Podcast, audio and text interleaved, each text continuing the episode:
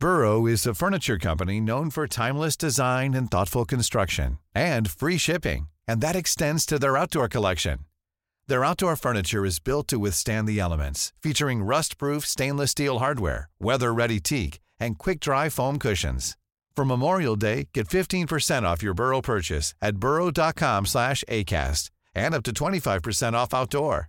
That's up to 25% off outdoor furniture at burrow.com slash ACAST. Wow. Nice. Yeah. What you're hearing are the sounds of people everywhere putting on Bombas socks, underwear, and t-shirts made from absurdly soft materials that feel like plush clouds. Yeah, that plush. And the best part? For every item you purchase, Bombas donates another to someone facing homelessness. Bombas. Big comfort for everyone. Go to bombas.com slash ACAST and use code ACAST for 20% off your first purchase. That's bombas.com slash ACAST. Code ACAST. Hi, I'm Daniel, founder of Pretty Litter. Cats and cat owners deserve better than any old-fashioned litter. That's why I teamed up with scientists and veterinarians to create Pretty Litter. Its innovative crystal formula has superior odor control and weighs up to 80% less than clay litter. Pretty Litter even monitors health by changing colors to help detect early signs of potential illness. It's the world's smartest kitty litter. Go to prettylitter.com and use code ACAST for 20% off your first order and a free cat toy. Terms and conditions apply. See site for details.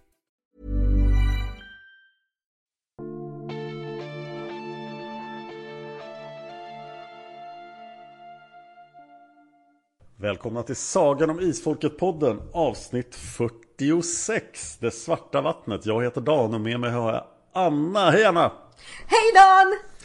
Men idag ska vi prata det svarta vattnet. Ja, för nu är vi ju här Dan. Nu är vi ju på slutstridsdags. Det kan vi inte...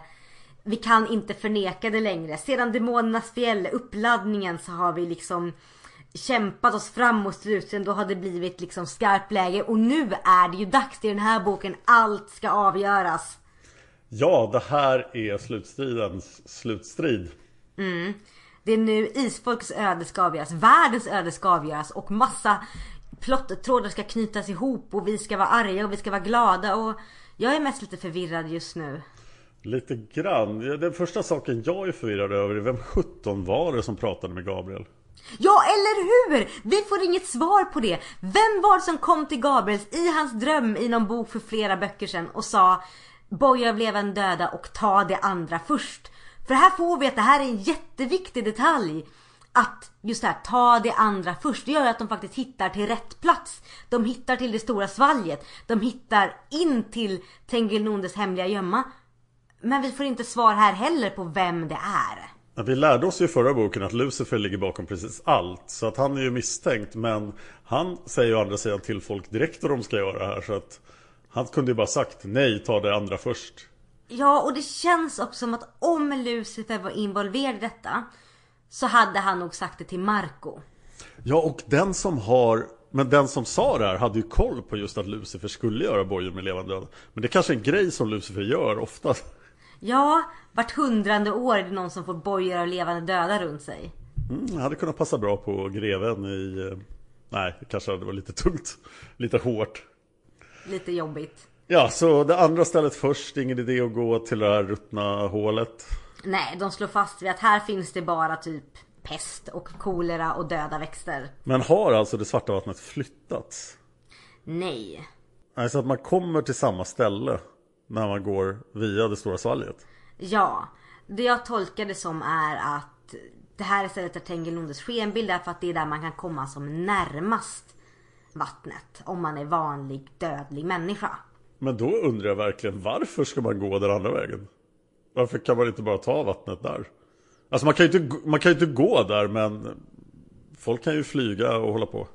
Ja, nej men det som jag tolkar det som när jag läser, när jag läser boken. Mm. Det är att det är för farligt.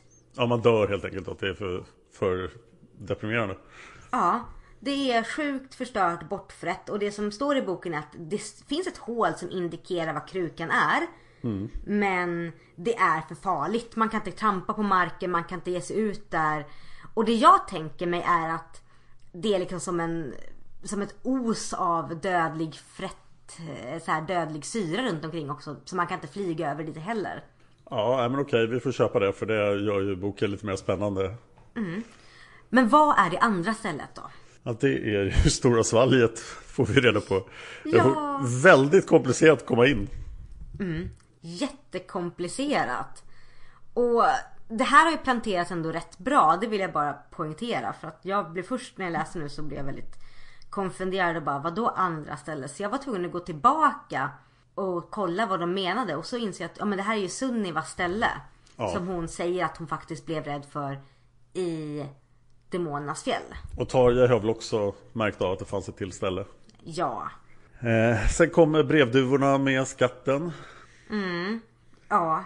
Ja, hela den här, det här kändes ju som ett eh, Dungeons and Dragons äventyr ungefär.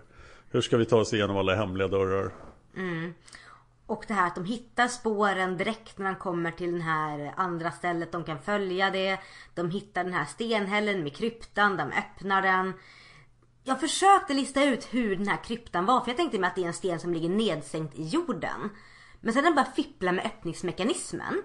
Så var det okej, är det upphöjt så att det är liksom som en liten kista ovanför marken? Och sen kom jag bara inte på hur det fungerade. Så fattar jag det som. Okej, att det ligger liksom lite grann ovanför marken. Det är liksom, den ligger på en stenkant och sen ligger locket på. Ja, Okej. För i mitt huvud var det verkligen att det var som en platt stenplatta i marken. ja lite upphöjd. Ja, det måste ju vara det för att de ska kunna piffla med öppningsmekanismen. Ja. Men ja, du, du har rätt. Det är ju väldigt mycket Dungeons and Dragons rent rollspel. De slår bra på sina slag. De hittar, de hittar spåren. De slår bra igen. De kan öppna hällen. Och det som gör det för mig här, det är den här känslan Margit lyckas framkalla.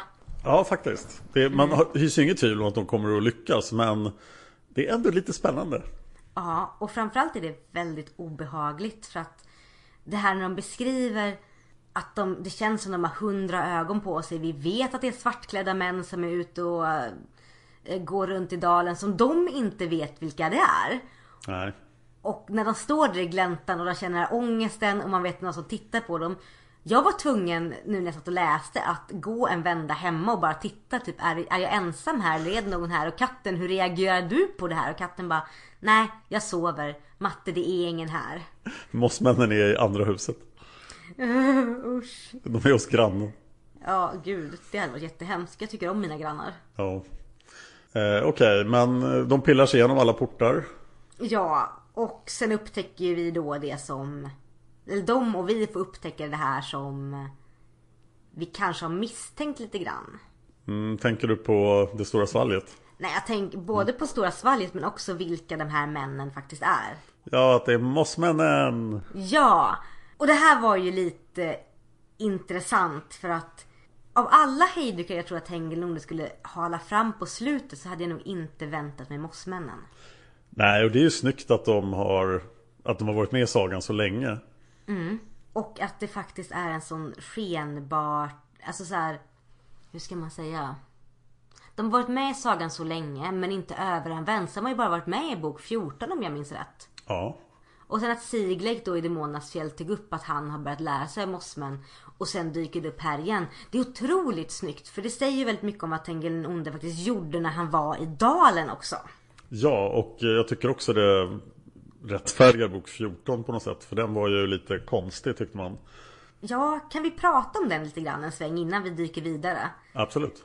För jag minns att jag bärsade jättemycket på bok 14 och tyckte det här är helt meningslöst. Att deras enda uppgift var att åka till Danmark och rädda kungen från att bli uppätna mossmän. Jag tyckte det var en klar grej när det handlade om att isfolk skulle ingripa i det världsliga. Och jag kunde inte riktigt förstå varför Willem och Dominic och Niklas skulle omvända Ulvhedin om det enda han skulle göra var att rädda kungen av Danmark. Och det känns ju inte så konstigt nu, eller hur? Eh, nej, det gör det inte. Och jag kan inte riktigt avgöra om det här var någon slags slug plan från isfolkets förfäder som verkligen höll det här hemligt. Kanske att Sigleik var med i planeringen och bara, det kanske var bra, jag ser att Ulverin har krafter som kan hjälpa mot mossmännen. Som, ja, vi vet att Tengilonde har någonting med mossmän att göra. Eller om det här bara var så att det handlade om att rädda kungen av Danmark och det här kom in väldigt praktiskt i efterhand. Vad tror du? Nej, jag tror nog att det, det är en plantering på slutet. Att hon visste att hon skulle använda mossmännen igen. Kanske inte exakt hur, men att, att de fanns där och skulle vara en av Tengil allierade allierade. Nej men jag vill också tro på att det är en plantering. För det är ju jättesnyggt det här. Ja, det är verkligen snyggt. Jag, jag tyckte bättre om Mossman de tidigare gånger jag läste igenom det. Nu kändes det som att de tog första bästa chans att förråda Tengel och att de var inte lika läskiga som jag kommer ihåg dem men de var otroligt populära i Svenska Isfolksföreningen. Jag var ju Mossman på ett antal live där. Så att det, det var ja, många som gillade Mossman. Ja, de är ju liksom... Vad ska man säga? Mossmen är ju Margits eh, ultimata smygande, krypande ondska. Det är den här skräckfigurerna som man inte riktigt kan sätta ord på men som bara dyker upp. Ja, är det en folktro eller är det någonting som Margit har kommit på? Jag är osäker. Jag minns att när jag läste bok 14. Ja, Oj! Ja, jag googlade. Ja, Okej. fortsätt. När du läste bok 14. eh, första gången så googlade jag på mossmän, eller så här, gick på biblioteket och försökte hitta böcker om mossmännen men hittade ingenting. Men jag har inte kollat upp nu och nu blir jag jättenyfiken om vad har du hittat nu när du sitter och googlar? Jo, den första träffen är ju från, faktiskt från vårt forum. Va? Ja, det är det. För vi har en tråd om mossmännen. Så eh, läs den. roligt. Eh, sen kommer ju förstås mossmän i betydelsen folk som har ramlat ner i mossar och blivit bevarade. Okej, det är inte det här. Eh, arkeologi helt enkelt. Men sen kommer det en länk till drakar och demoner. Va? Där någon har gjort upp mossmän som drakar och demoner-monster. Nej. Eh, De verkar inte ha så mycket med Margits mossmän att göra. De var mera gjorda av mossa och sten. Det känns inte alls som Margits mossmän. Så jag skulle säga att Margit är ansvarig för att det här är hennes egna monster. Jag vill ju så gärna att det ska vara så och det gör ju dem ännu läskigare faktiskt. Ja. Nej men jag gillar mossmännen och att vi får reda på så mycket om de här och får det bekräftat mossmännen var de som byggde det stora svalget. De har varit allierade med Tengil Nonde sedan hans tid i dalen. De har alltid varit på hans sida. Det gör ju att bok 14 får en helt ny innebörd. Ja. Och att de även jobbade för honom 1925 då när Fritz Harman dog.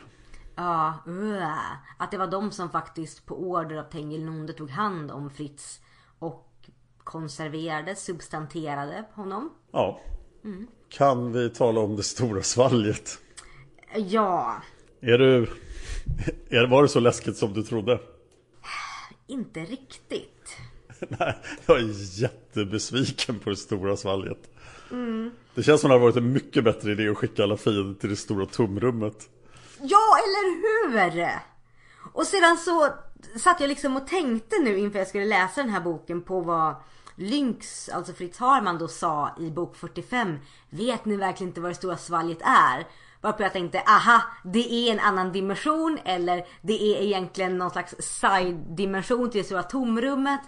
Och sen bara, nej okej, det var ju ett berg i Isfolkets dal, absolut. Det kunde vi räkna ut med lilltån, eller också inte. Varför skulle vi räkna ut det? Hur förväntas att vi ska ha reda på det här? Ja, det, det finns ju ingen logik i det överhuvudtaget. Hur skulle någon kunna lista ut det här?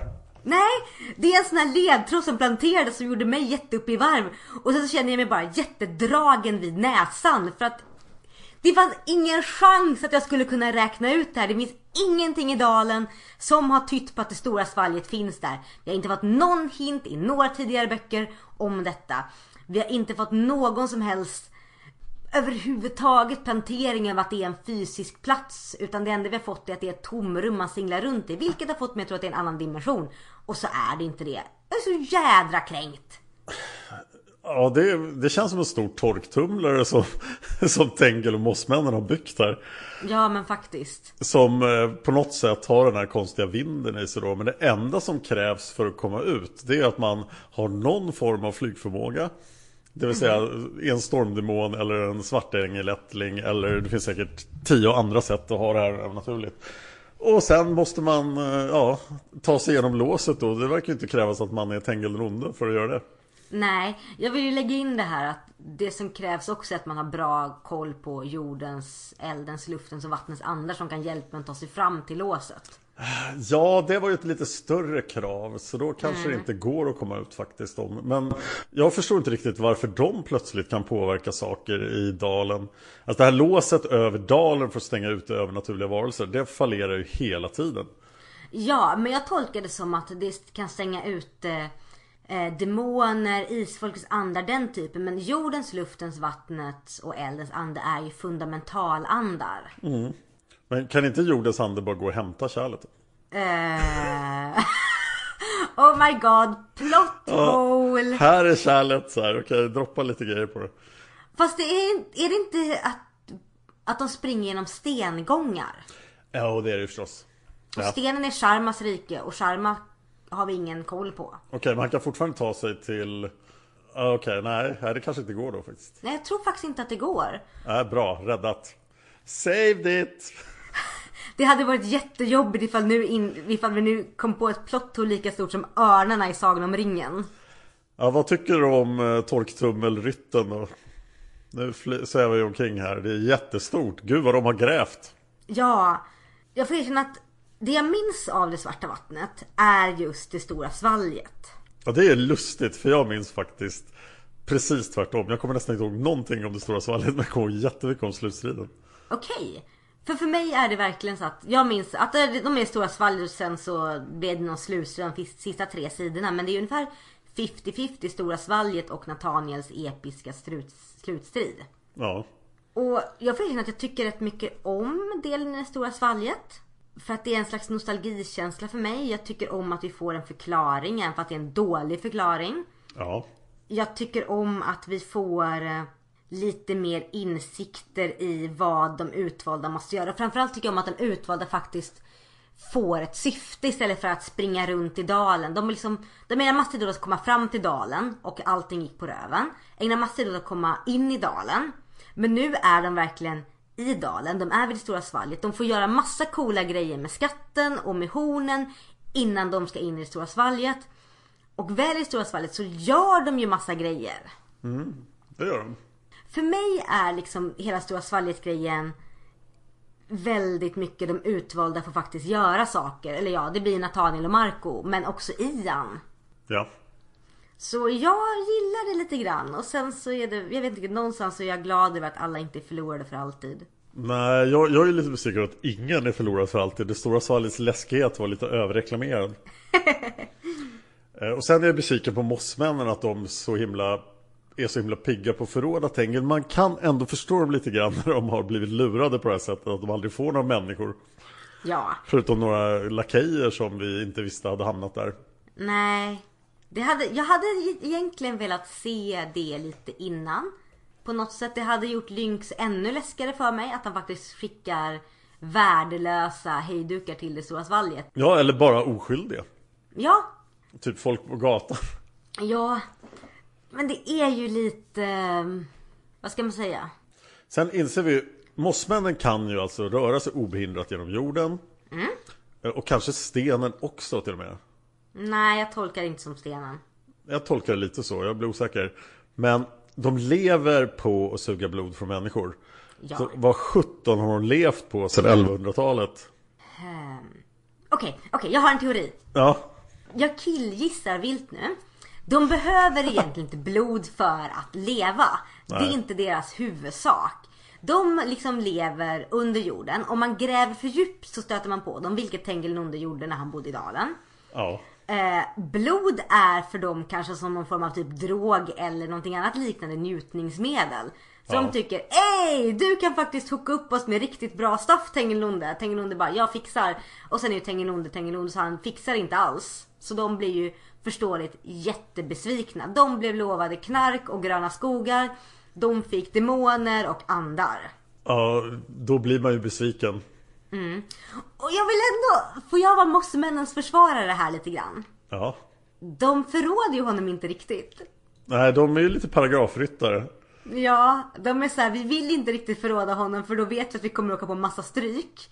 Samtidigt som det här kortet som han drar verkligen, vi har Lillit bakom oss, vi har er stammoder bakom oss. Att det kändes lite onödigt och lite för lätt. Ja, Lite grann. Men det är ju ett tungt kort de ställs mellan. De är ju ett hopplöst dilemma mossmännen. Så här, antingen går vi emot den ondaste människan på jorden som kan utplåna oss. Eller så går vi emot vår egen stammoder och får evig fördömelse och Ja, det vill vi inte göra heller för vårt, liksom, de nämner ju så här, Lilith är som deras gudom men hon är ju högsta grad en levande gudom som faktiskt kan komma in och straffa dem. Jag undrar hur mycket uppmärksamhet de har fått av henne de senaste 900 åren. Alltså Lilith känns ju som världens sämsta modersfigur och också så här överlag. Hon känns ju väldigt opportunistisk och eh, bryr sig väldigt mycket om sig själv. Ja. Så Okej. det, det känns ju som att hon kanske gjort lite gästspel där och då men det känns som att hennes fokus ligger väldigt mycket på nattemånerna där hon hänger nu. Jag funderade, okej, mossmännen hänger djupt under marken. Man kan inte stöta på dem spontant, man måste gräva för djupt. Mm. Tengilonde gräver för djupt, träffar på dem. De bygger det här på ja, x antal år. Sen när de klarar så har de det där stora svalget redo. Men det händer ingenting på 800 år. Nej. Eh, De lever på daggmaskar. och, och sen när det till slut händer någonting så, nej, så här, nej, vi kan inte genomföra planen riktigt. Och då blir de så frustrerade att de river stora svalget. Varför gör de det? Jag vet inte riktigt. Det kändes verkligen som den obligatoriska scenen i alla slut i alla filmer där allting ska rasa. Ja, jag är mer okej med att det stora svalget rasar för att det inte är inte ett värdefullt kulturminne eller historiskt monument. Det känns ju mer som att de mossmännen gjorde som en grej för sig själva. Fine, vi kan inte gå emot er, vi kan inte vara med Tengilonde. Då river vi skiten så kan ingen ha det istället. Jag fattar om de hade dragit istället så hade norska staten kunnat ta över det här och haft värsta turistattraktionen. Bara spendera en dag i det stora svalget och åka runt så. Centrifugen! Yay! Så om du lyckas ta dig ner till baren som ligger längst ner. Ja, nej, jag vet inte. För mig känns det som att mossmännen gjorde det som en rage quit grej. Ja. Men de rage quittar inte för de är mossmän och väldigt så här lugna och eh, värdiga. Så de bara så här, nej men då kan ingen få det, vi river det bara för att vi kan. Ja. Vad tycker du om Ellens bit då? Ja, det är ju väldigt snyggt. Vi har ju inte fått någon som helst hint om vad som hänt med Ellen. Jag har ju räknat henne som eh, död och Ja. borta. Och att vi först nu får reda på att ja, hon är liksom, det här har hänt henne i det stora svalget också så lång tid efteråt att man stöter på mossmännen. Det blir ju rätt effektivt men alltså överlag, jag är inte förtjust i den Ellen vi får i den här boken. Vad är skillnaden då tycker du? Jag gillade ju Ellen som Ellen var i... Eh, nu ska jag tänka här, vad blir det? Ropa av stumma röster och fångad av tiden. Den här väldigt drivna kvinnan som hade liksom, som var väldigt duktig och smart och mycket paranormala förmågor och sånt där. Och jag förstår att hon sitter fast i det stora svalget. Jag förstår att det är jättejobbigt och jag hade inte pallat av det i mer än typ en timma med alla de här tankarna om depression och ångest och allt jag kunde gjort. Men det stör mig sen att Ellen blir så otroligt inriktad på bara Nathaniel och bara rädda Fektor och jag blir aldrig glad om det, vi inte löser det här. Jag bara, verkligen? Verkligen Ellen? Så världen står på spel. Eh, vi har Tengil Onde som är i haserna och det du fokuserar på är att jag blir aldrig glad om någonting händer Fektor. Hashtag drama queen. Hette han, Fekor hette han? Fekor? Fektor? Jag tror han heter Fekor, men jag är inte säker. Fekor. Jag har sagt Fektor. Jag ber om ursäkt. Då säger jag Fekor från och med nu. Ja, eh, jag gillade Fekor ganska mycket faktiskt. Jag är inte säker på varför, men eh, han tilltalade mig massor. Ja men jag tror att jag tror att jag gillar honom också. För mig blev han den här lilla personen som är helt anonym i den här striden. Som faktiskt får träda fram.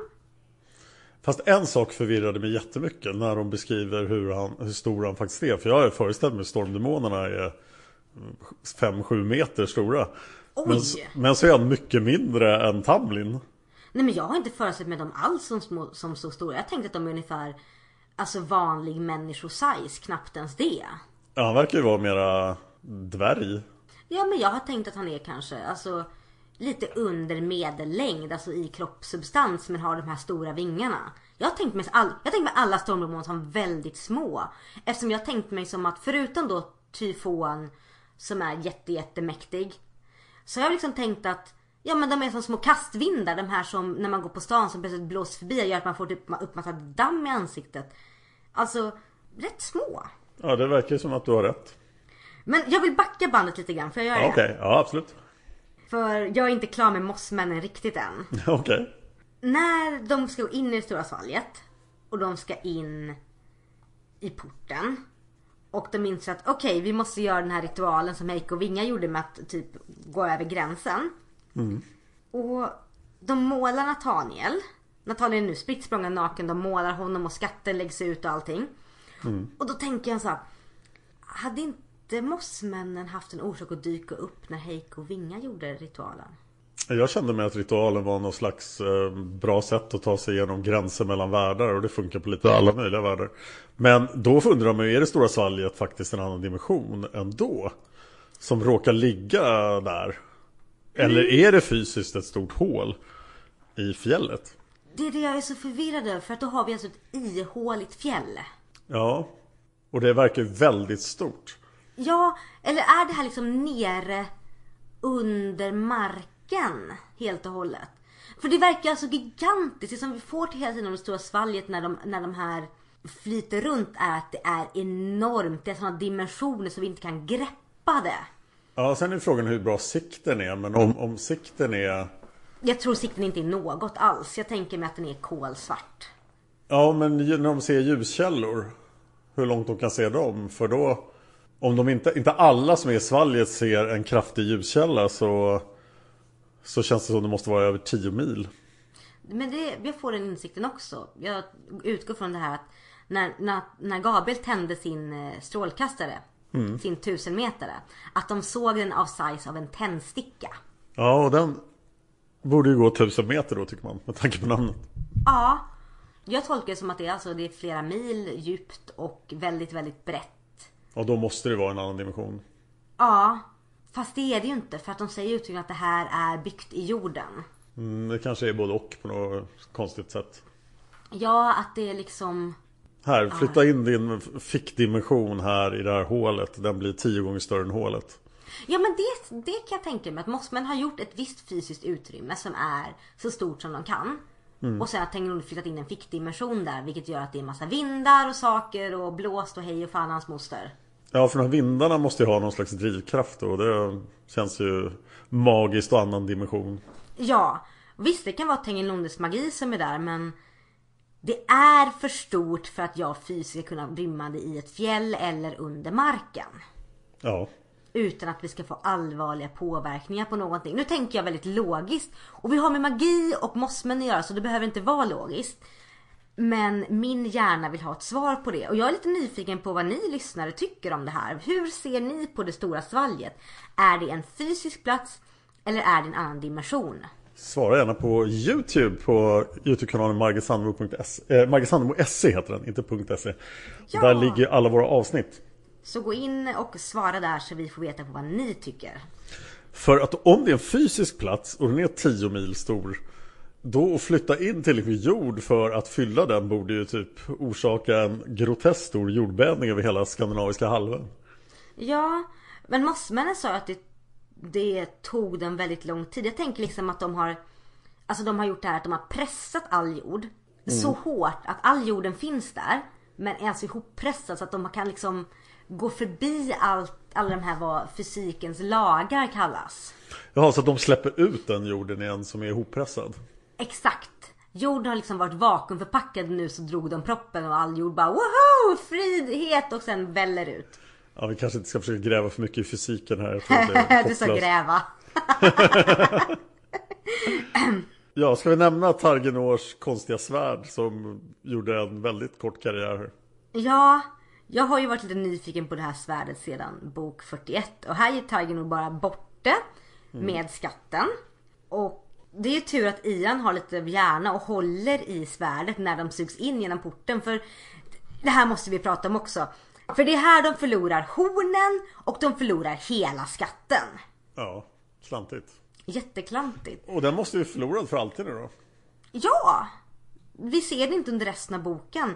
Och för mig så späder det på min känsla av separationsångest från isfolket. För det är så tydligt att först förlorar vi hornen.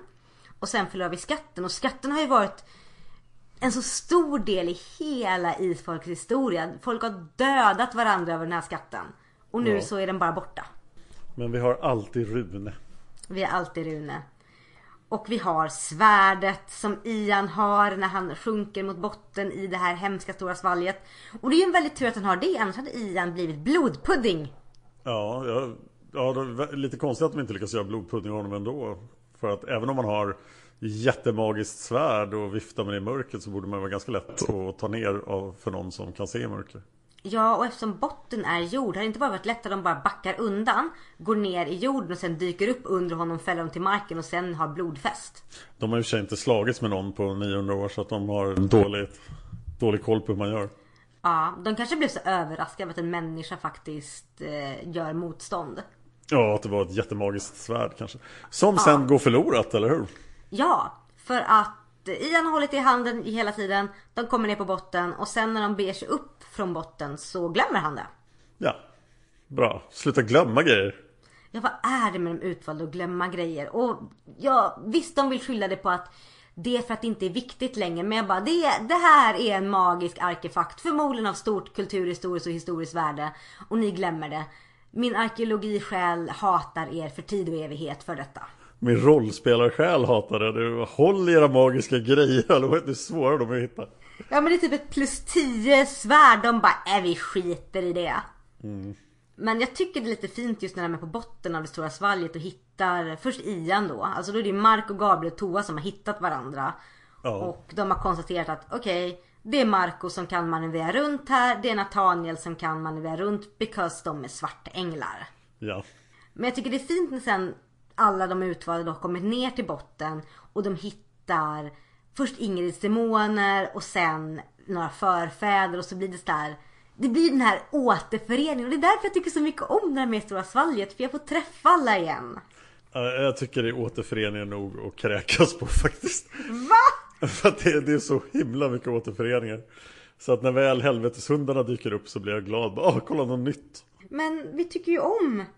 Ja, jag kanske gillar första återföreningen där nere men sen så liksom Och så just de här andarna som man bara kan be om så här tjänster så fixar de allt Ja men det känns ju som att eh, Tarangais andar, alltså luftens, jordens, eldens och vattnets andar. De är så uppmärksamhetskåta just nu. De vill ju verkligen att folk ska tro på dem och be till dem så de kan ändå finnas kvar. Så de gör ju liksom vad som helst. Och det är lite kul ändå på ett sätt att de, att de utvalda inser det. Vänta nu här. Vi kan göra alltså, vi kan be dem om vad som helst för de kommer vilja ha uppmärksamhet. Desperata gudomar, perfekt Det är lite störande att de har kommit på det. Men det gör ju också att det här blir mycket lyckat. Jag tycker ändå det är trovärdigt. För hade det varit några andra andar som hade varit så här hjälpsamma så hade det blivit konstigt. Men Tangais andar har ju en orsak att faktiskt finnas kvar. De vill ju inte försvinna. Nej Okej, får vi lämna svalget? Vi får lämna svalget nästan. Vi ska gå mot det röda ljuset nu. Mot det röda ljuset Väl, Väldigt bra eh, faktiskt tycker jag bilden är på baksidan av boken Ja, eller hur? Det här är ett bokomslag som jag faktiskt gillar lite grann. Jaha, För jag tycker att Ellen ser väldigt bra ut på framsidan. ja Och det är en väldigt trollsk stämning. Och som du säger, baksidan är jättebra. Yes Så det här omslaget hamnar nog på min topp 10 över omslag. Bra omslag, vi har brukat dissa omslagen men det här gillar vi Ja, vi kommer nog gå igenom våra topp 10 omslagen. Men jag kan säga att det här hamnar rätt högt upp sedan på min lista. Ja Men det röda ljuset. Där det blåser så mycket, dit ska de. Och de tar sig dit för nu har Nathaniel och Mark gått in i sin nya roll som samlare av folk som har kommit vilse i det stora svalget. Men när de väl kommer till det här röda ljuset. Det är ju lite udda skara som går in. Det är Nathaniel och Marco, det är självklart. Ja Det är Anonym Stormdemon 1A. Ja Eh, och Orin. Eh, som kan sätta sig i kontakt med Tangais andar. Men det kan tydligen vem som helst göra nu. Ja, eh, ja och här är ju tycker jag Tengil den ondes sista stora ögonblick som skurk. För det här är ju så himla gement. Alltså jag har tagit sin... Han- Han har våldfört sig på sin sondotter. Ja. Fått en unge med henne som han sedan har spärrat in här. I 700 år. I värsta BDSM-positionen i 700 år. Ja. Och sen ska han bara, ha, henne ska jag ha sex med och sen döda och då får jag komma in till det svarta vattnet. Men som lås betraktat, alltså det är otroligt nidingsdåd men som lås betraktat är det ju ganska kast. Ja. Eftersom det inte är exklusivt för Tengil den onde. Nej, man undrar om det fanns någon eh, eh, regel. Det kanske funkar om man är en ättling till Tengilonde. Eller kunde vem som helst ha gjort det här? Jag tolkar det här som att det kan inte vara en ande. Det kan inte vara en demon. Det måste vara en levande varelse. Alltså. Och eftersom man inte kan närma sig Tili, för det här är ju Tili som vi äntligen, äntligen återser. Det var ju henne som som vi såg på den här bilden i fönstret som vi har fått, som, hon som Isfolksättlingen som har varit försvunnen, som inte kom till Månadsfjäll. Och det är för att hon fortfarande lever. Och sitter fast. I den här vansinnigt konstiga positionen. Ja. Men det som jag tänker liksom är att hon har ju suttit fast där och ingen har kunnat närma sig henne på grund av det här röda ljuset som är jättefarligt för ögonen. Det blåser och virvlar. Ändå inte att Mark och Nathaniel, Orn och Stormdemonen kan ens närma sig henne är ju för att de har eldens och luftens andar som faktiskt mildrar detta. Så att det gör ändå låset rätt effektivt för om du måste ha Tarangais anda på din sida för att kunna närma dig och du måste vara en levande varelse och levande varelser sjunker till botten av svalget väldigt fort. Ja. Så eh, ska jag säga att det är rätt effektivt. Ja, bra jobbat. Jag måste säga att den här scenen är ju någonting som jag tror de flesta kommer ihåg från Isfolket. Och som Ja. man har hört väldigt mycket dåliga skämt om när man spelar rollen Marco i Isfolksföreningen. Du skulle väl aldrig? Men jag tycker att scenen är märkligt fin på något sätt. Ja, jag får hålla med dig. För den är ju präglad av väldigt mycket stress. Marco vet ju att okej, jag måste göra detta. För Natalia kan inte göra det för han har precis hittat Ellen. Ian säger Tova nej. Och de andra är andar och demoner. Och Marco vet att det är väldigt bråttom. Vi har Tengil den onde efter oss. Eh, visserligen så har han fortfarande alla sina bojor kvar så vitt vi vet. Men han, han är liksom, han är på väg. Men i den här brådskan blir det ändå någonting väldigt fint och ömt. Ja, faktiskt. Och det är ju otroligt skickligt att lyckas skapa det. Och jag tycker också scenen blir mycket starkare på grund av att vi fokuserade så hårt på Marco i förra boken. Att vi känner Marco nu och vi förstår hur svårt det här är för honom. Ja. Och något som slog mig väldigt mycket hårdare vid den här genomläsningen var Marcos lilla parentes om eh, Shangri-La där han, där han filosoferar att ja, Shangri-La det eviga riket där alla är unga. Och den här filmen om när det var en ung upptittare som träffade en kvinna där så fort de kom utanför dalens gränser så åldras hon och dog. Ja, Och det här slog mig så starkt eftersom vi har fått se Marcos totala ensamhet i förra boken där hans största skräck är att han kommer leva för alltid och alla hans vänner dör. ja, Och här blir det ännu mer tydligt när han bara okej, hon har varit här i 700 år. Jag kan befria henne och hon vill bli befriad. Ja. Men vad kommer hända sen? Inte bara för henne men också för Marco. Vad kommer hända sen? Det här är hans första Det här är bådas första stund tillsammans med en annan varelse. Liksom första gången de har sex båda två. Och på Marco ligger den här, kommer hon dö så fort vi kommer upp? Kommer jag bli ensammare än ensam? Vad kommer hända här? Gör jag henne en otjänst eller vad händer här? Ja, och så är det så skört och fint mellan dem. Man ser ju liksom hur de börjar tycka om varandra trots den superbisarra situationen.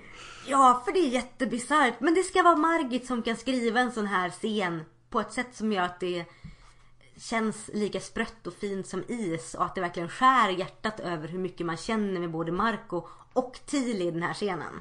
Det är tur att den här scenen kommer i bok 46 och inte tidigare så att folk som verkligen inte är fast i isfolket får inte läsa den. För att det känns som man, man måste ha läst de andra böckerna innan för att om det här hade hänt i bok 1 så hade nog många kastat böckerna. Eh, ja, men det har byggts upp så mycket och vi har så otroligt mycket med oss och här den här scenen skulle jag säga är en av Margits mest finstämda scener hon skrivit i hela sagan. Ja det tycker jag och det, det är absolut mest intresserad efter att ha läst klart den här boken. Det är liksom, hur ska det gå för Marco och Tili? Ja, Åh, jag vill att de ska få det bra tillsammans. Ja men faktiskt. Och just den här bilden efteråt när de har haft sex och Tilly i loss och hon får låna Marcos tröja och den når henne till knäna för hon är så liten. Och eh, mitt hjärta går sönder i tusen bitar över den här flickan som har suttit fast här i 700 år. Och nu ska hon börja leva. Jag vill så gärna att hon och Marco får det bra ihop. Jag vill se scenerna där Marco liksom ska lära henne om världen. Ja, Och typ, ja så här betalar du räkningar. Ja, kanske inte just det. men hur förklarar man för en flicka som har lämnade jorden för 700 år sedan i ett väldigt enkelt liv i en fjälldal att det är 1960? Och Förhoppningsvis får jag andarna kvar då så kunde det bli jätteintressant. Liksom min, eh, min svärmor är den här är Dida, liksom en ande från förfäderna. Och det här är Oj. min svåger Targenor. Oj, alltså wow. Ja. Ja, jag, jag är fascinerad av den här kärlekshistorien. Jättefascinerad. Den är så... Den är så hastigt... Den dyker upp så hastigt i boken.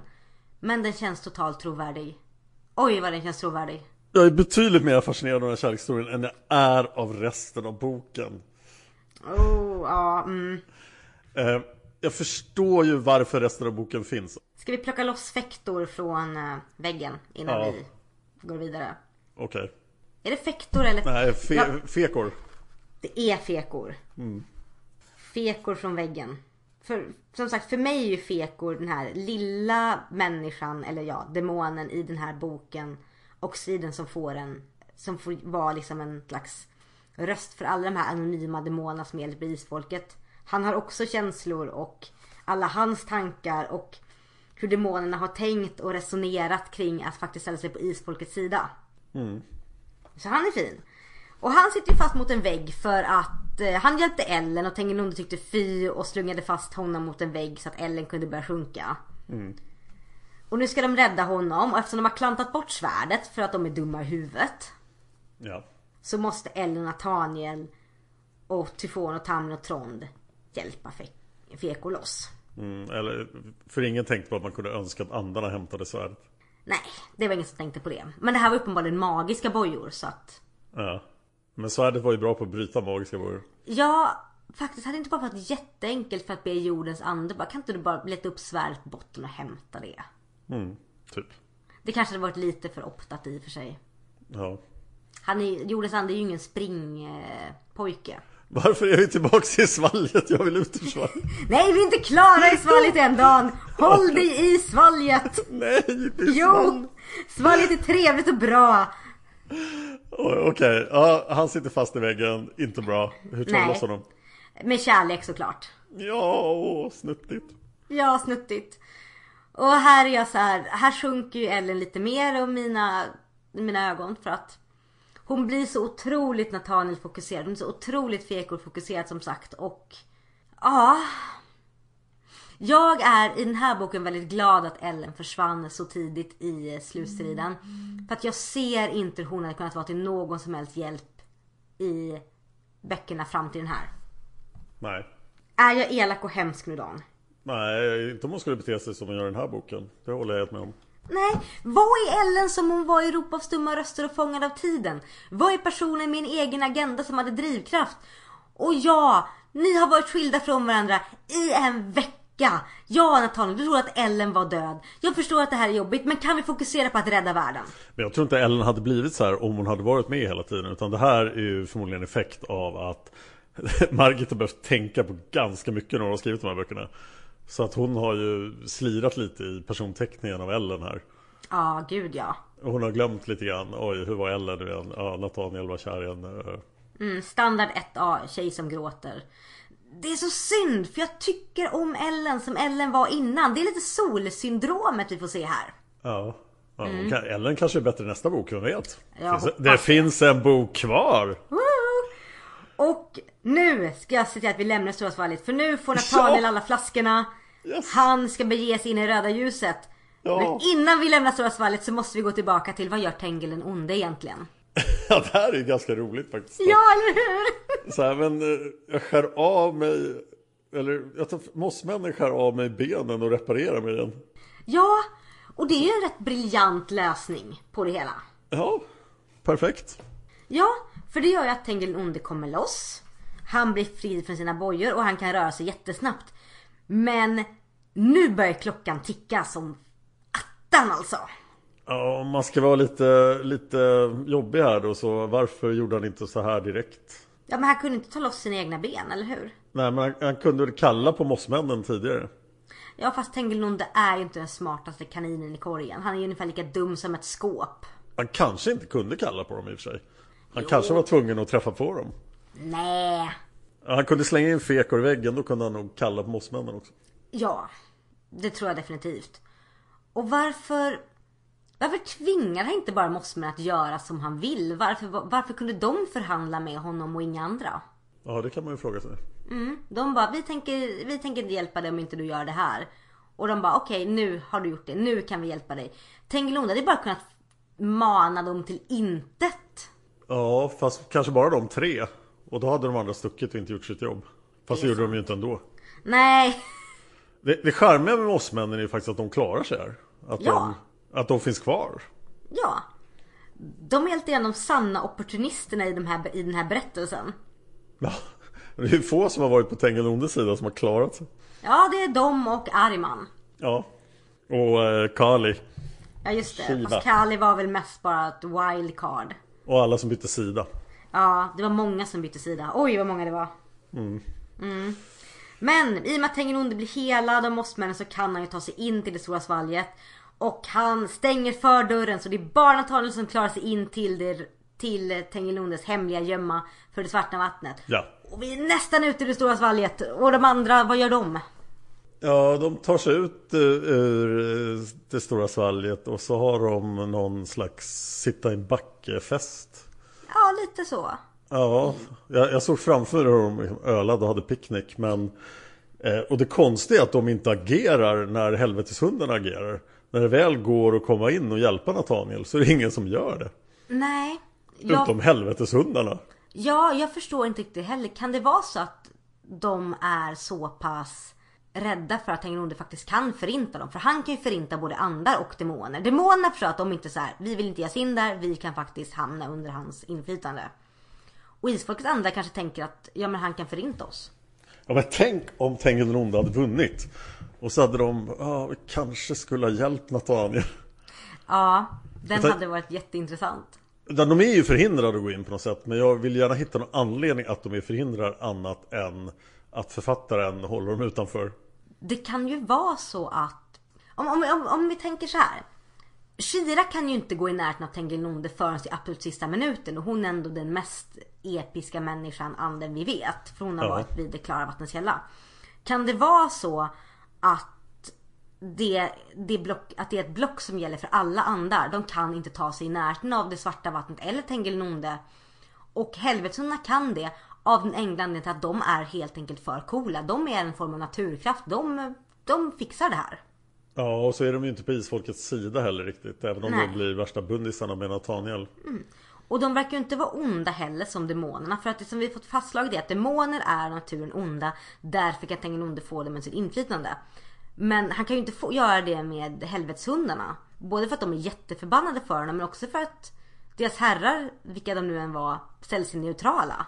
Men det kändes ju som att han hade massor av chanser att bara förinta dem Vi vet ju att Tengilonde kan förinta folk genom att bara säga, liksom bara peka på dem Ja, men det känns som han är väldigt splittrad här. Väldigt oepisk, väldigt... Jag hade en konstig bild framför mig också För att jag har lite hundabstinens då eftersom jag är i Stockholm Min hund är i Norrland Ja. Och så stod det att helveteshundarna gläfste Så att i, i mitt öra lät det precis som när min hund som väger 5,5 kilo då är arg på folk som har fräckheten att gå på gatan utanför Och tycker "Arr, arr, arr." Så att det var det jag hörde hela tiden. Och de blev mer och mer lika så här gigantiska nakenhundar Jag tror att de är lite mer helvetiska än så. Ja, det är läskigt med jättestora nakenhundar Nej. Nej okej eh, Jag tycker att den här Jag förstår varför den här slutstriden är så fruktansvärt lång Men Den håller inte ihop riktigt för mig Nej. Som sagt, jag hade förträngt att den var så lång.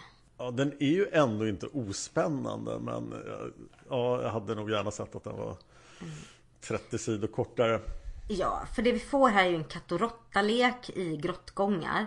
Kombinerat med Nathaniel kastar av sig allt sitt vankelmod och sin självömkan och hittar sin kraft. Ja. Och det går ju väldigt snabbt. Men vi har redan sett Nathaniel hitta sin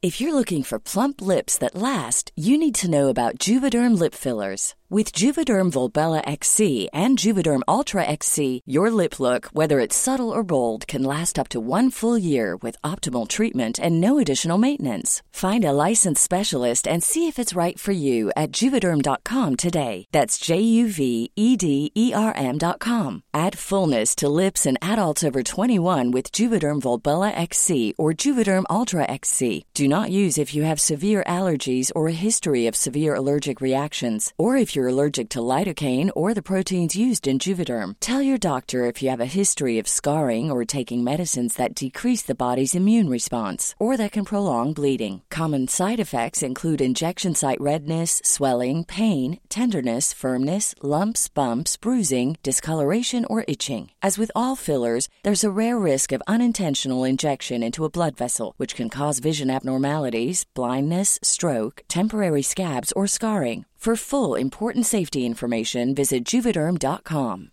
Burrow is a furniture company known for timeless design and thoughtful construction and free shipping, and that extends to their outdoor collection. Their outdoor furniture is built to withstand the elements, featuring rust-proof stainless steel hardware, weather-ready teak, and quick-dry foam cushions. For Memorial Day, get 15% off your Burrow purchase at burrow.com slash ACAST and up to 25% off outdoor. That's up to 25% off outdoor furniture at burrow.com slash ACAST. Since 2013, Bombas has donated over 100 million socks, underwear, and t shirts to those facing homelessness. If we counted those on air, this ad would last over 1,157 days. But if we counted the time it takes to make a donation possible, it would take just a few clicks. Because every time you make a purchase, Bombas donates an item to someone who needs it. Go to bombas.com slash ACAST and use code ACAST for 20% off your first purchase. That's bombas.com slash ACAST, code ACAST. kraft. Vi har sett att han tagit befälet i det stora svalget. Redan när de kom in i dalen att han blev så mycket mer auktoritär än Marco. Så att han ska hålla på och hitta det nu och verkligen känna, nej men jag borde inte, jo jag kan. Jag tror vi hade kunnat spara 30 sidor genom att bara korta det och bara Nathaniel visste nu vilken kraft han har så han använt till fullo. BAM! Mm. Men en sak jag tycker var riktigt bra i slutstriden och här är ju en grej som finns i det västerländska litteraturarvet hela tiden. Och han gör ju en fantastiskt bra Jesus impersonering i den här slutstriden. Han lider så fruktansvärt mycket. Han fryser, han är hungrig, allting är så eländigt för honom. Ja, han säger ju det. Min kropp är förstörd men det är min själ som ska ta den här striden. Jag bara, ja absolut. Ja, plus då att det slutar som det gör då så känns det som att eh, ja, han är verkligen Jesus här på slutet. Oh ja, definitivt. Men jag håller med, det är en lång sluttid. Men det som jag funderat på väldigt mycket.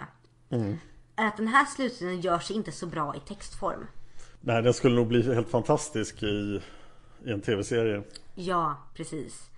Alltså två avsnitt med den här slutstriden. Eller bara ett långt timsavsnitt med slutstriden hade varit jätteepiskt. För att jag ser mer framför mig det som Margit har liksom beskrivit. Och det är ju också för att Margit är en väldigt duktig författare som kan måla upp bra bilder med sina ord. Men att läsa den här katt råtta-leken i grottgångarna, läsa om hela Nathaniels vankelmod blir väldigt, väldigt långdraget och i slutändan lite tråkigt. Men att se det här på vita duken som en tv-serie hade varit mycket mer intensivt. Ja. Och sen tycker jag att det här också är Det är ju några av Tengil ondes sämsta ögonblick. Han är så himla fånig här. Och han är liten och ynklig. Det beskrivs jättemycket hur patetisk han är. Han och- snubblar på sin kappa för han har korta ben. Ja, och hans repliker är liksom "Nej, Ska du tänka nu igen? Så här. Han är Och- som någon slags buskisfiende här. Ja, han, jag, jag tycker det blir fantastiskt mycket bättre när vi väl När Kira väl får vara med Ja. Och jag är lite besviken på hur Tengil onde framställs här. För eftersom i förra boken var det väldigt mycket fokus på Lynx. Lynx var otäckast. Så jag hade förväntat mig att nu kommer Tengilonde faktiskt vara den här onde förfadern alla är rädda för. Men det Nathaniel gör att han skrattar åt Tengilonde för Tengilonde är fånig och ynklig och patetisk. Och det som är Tengilondes starka sidor hans, vilket är att han kan skjuta blixtar ur händerna som en Sith-lord. Han kan ha sitt moln av dödande gas. Allt det blir bara mer ett tecken på att han är fånig än att han är jättemäktig. Ja. Däremot så Just det här att medkänslan är farlig för honom Att Nathaniels styrka är hans svaghet Det tycker jag fungerar ganska bra Ja, det fungerar jättebra. Men det blir just den här när man haft den här stora kapplöpningen genom berget. Ja Och vi vet att Tengilonde hinner först och sen blir det låst läge. När det blir låst läge och Nathaniel går in i sitt martyrskap och allt sånt där. Vi får massa återblickar när Nathaniel ska tänka tillbaka till vad är Tengilondes svaghet. Ja Då blir det väldigt segt. Ja, ja, det är någon konstig think-off där. När de sitter och tänker och så här Tengel misslyckas tänka. Ja. Han bara, äh, tänka är jobbigt. tänka jobbigt och Nathaniel måste komma på de här grejerna. Men jag har också grejen att, hur ska man säga det här? Nathaniel måste komma på Tengil den ondes svaghet. Ja. Samtidigt så ska Nathaniel inte komma på Tengil den ondes svaghet för det är till hans nackdel. Eh, Va? Ja, så jag förstår liksom inte vad är det som händer? Varför säger förfäderna gå tillbaka i tiden, tänk på det här. Och nej, du kom på det, det skulle du inte ha gjort. Jag bara, men vad vill ni egentligen med den stackars pojken? Vill ni att Nathaniel ska komma på det? Eller inte? Ja, det känns ju lite ofokuserat. Ja, för det som vi har slagit fast vi väldigt klart och tydligt i alla böckerna Nathaniel varit med är att Nathaniel är en väldigt empatisk och känslosam människa. Så om det är så att de bara vill att han ska känna medkänsla med Tengilonde så kommer ju det hända oavsett. Så jag förstår liksom inte vad de vill med att han ska komma på det och sen inte komma på det. Nej, det, det känns bara som att det ska vara dramatiskt. Ja, det känns som att förfäderna här återigen hade behövt kommunicera lite mer. Eh, ja. Och sen måste jag bara rage över en sak till. Ja! När du är Isfolkets utvalde på språng efter din onde förfader för att hinna först fram till ondskans vatten, alltså det svarta vattnet. Varför slänger du då en hel flaska vatten på en jädra bergvägg? Ja, det kan man ju fråga sig. Vad händer här Nathaniel? Med argumentet jag klarar inte av att vara inne i den här grottan längre. Nej men taskigt läge, hantera din klaustrofobi. Rädda världen. Det höll ju på att gå på röven för att han slängde bort en flaska klart vatten. Och det är det klara vattnet. Det finns inte så mycket av det. Nej, men det funkar ju bra det också. Ja, men jag blir jättekränkt. Eh, ja. För att, jag menar... Tänk ifall jag inte haft tillräckligt med vatten kvar tills när det väl gällde. Ja, det hade varit jobbigt. Det hade varit jättejobbigt. För att två flaskor går åt att hälla i det svarta vattnet. Ja. Eh, vad ska vi säga? När Tengel den onde lyckas slicka på korken och faktiskt blir sin verkliga form Då är det ju riktigt spännande Ja då ryser jag, då sitter jag, jag satt och hoppade upp och ner kände det här, det är det här jag vill se, nu blir det episkt, nu blir det en stand-off. Nu får jag den här onde förfadern som jag faktiskt vill se för att jag behöver ha en riktigt ond antagonist. Jag behöver ha någon som jag kan också vara rädd för. För jag, när jag är mer rädd för mossmännen än Tengil då är det någonting fel. Ja Vad kände du när Tengil onde då slickade på korken och stod där i sin fulla makt? Ja men det var ju fantastiskt Det var ju så här, oj nu hur ska du klara av det här? Och sen tycker jag då kraven på att vara den här ondskan personifierad är ganska höga Alltså han åker dit för att hans mamma en gång tyckte lite om honom. Det, det är ganska hårda krav. Ja. Och det rimmar ju inte alls med Kira tycker jag. För att om någon av hennes föräldrar någon gång hade gjort något dumt, vilket de förmodligen hade gjort. Så påverkar inte det henne. Men här faller Tengenronde helt på ett ögonblick av moderkärlek från hans mamma. Ja, jag hade nog köpt det mer än det var så att Tengil känt någon form av kärlek. Att det var en svaghet som han hade. Ja, Men just det här med att han som den onda här världshärskaren faller på vad andra känner för honom. Det gör att Nathaniel kan ju ha hur mycket medkänsla som helst och stå ut det, vilket Nathaniel gör. Och det blir hans stora svaghet. Det är helt orimligt. Det är som att Shira skulle vara jättesvår att folk hatar henne och det var hon ju inte. Men kunde det inte ha varit Tengilrondes egna känslor för sin mamma istället? Bara vända på det. Ja, Att han en gång tyckte om sin mamma. Ja, och, det, och i raseriet när han upptäckte den här känslan så högg han ner henne. Det hade varit mycket mer logiskt. För genom att Tengilonde blir ett offer för andras känslor så förlorar han ju sin egen agenda. Helt och hållet. För att han kan inte påverka vad andra tycker och tänker om honom. Nej, och vad är det för perfekt ondska? Det känns så... Ja, det är inte bilder av ondskan för mig på något sätt. Nej, Att alla måste vara fullständigt superruttna och oförmögna att planera och... Men det... Ja, det blir inte rätt. nej och att den sanna ondskan också är beroende av vad andra tycker och tänker om den. Det funkar inte heller. Nej. Och just där, jag, jag tycker om det att allt kan övervinnas med kärlek. Det Ja. är fint. Men att det, är det, att det här ögonblicket är det enda Tengilonde faller på och att Nathaniel kan använda det för att mana fram sin egen medkänsla. Det blir jätte, jättekonstigt för att det... Alltså det gör honom så sårbar. Jag är glad att han inte dog av det i alla fall utan det krävs verkligen de sista dropparna av det klara vattnet. Ja, och där är ju Nathaniel riktigt bra. Ja. Att han brottar ner honom, slänger ner det klara vattnet i halsen på honom och Tengilonde brinner upp. Och sen är Nathaniel helt utschasad och liksom täcks av snö och det är jätteepiskt. Men vi vet ju att någon kilometer bort sitter hela gänget och har picknick. Och kan när som helst hämta honom. Ja, fast de vet inte vad som händer. Nej men alltså Lucifer vet allt. Marco förutsäger framtiden. Så här, någon kommer att lista ut det här känner jag. Ja, fast jag hade velat se att Nathaniel blev en martyr här. Visst, jag sörjer för Ellen att hon inte får sin kärlek i så fall, men alltså kan, kan vi läsa upp det här slutstycket bara? Ja, läs. Ja. Eh, Ellen, Ellen tänkte Nathaniel. Förlåt mig, jag kan visst inte klara det. Hade så gärna kommit tillbaka till dig. Förlåt mig käraste. Han drog tungt efter andan. Hela kroppen värkte. Armen, lungorna, den förfrusna huden. Nathaniels armar gav vika. Han föll omkull i snön. Jag stoppar där för nu fick jag lite tårar i ögonen. Ja, jag tycker det är jättefint. Och så det, det blir så bra det här.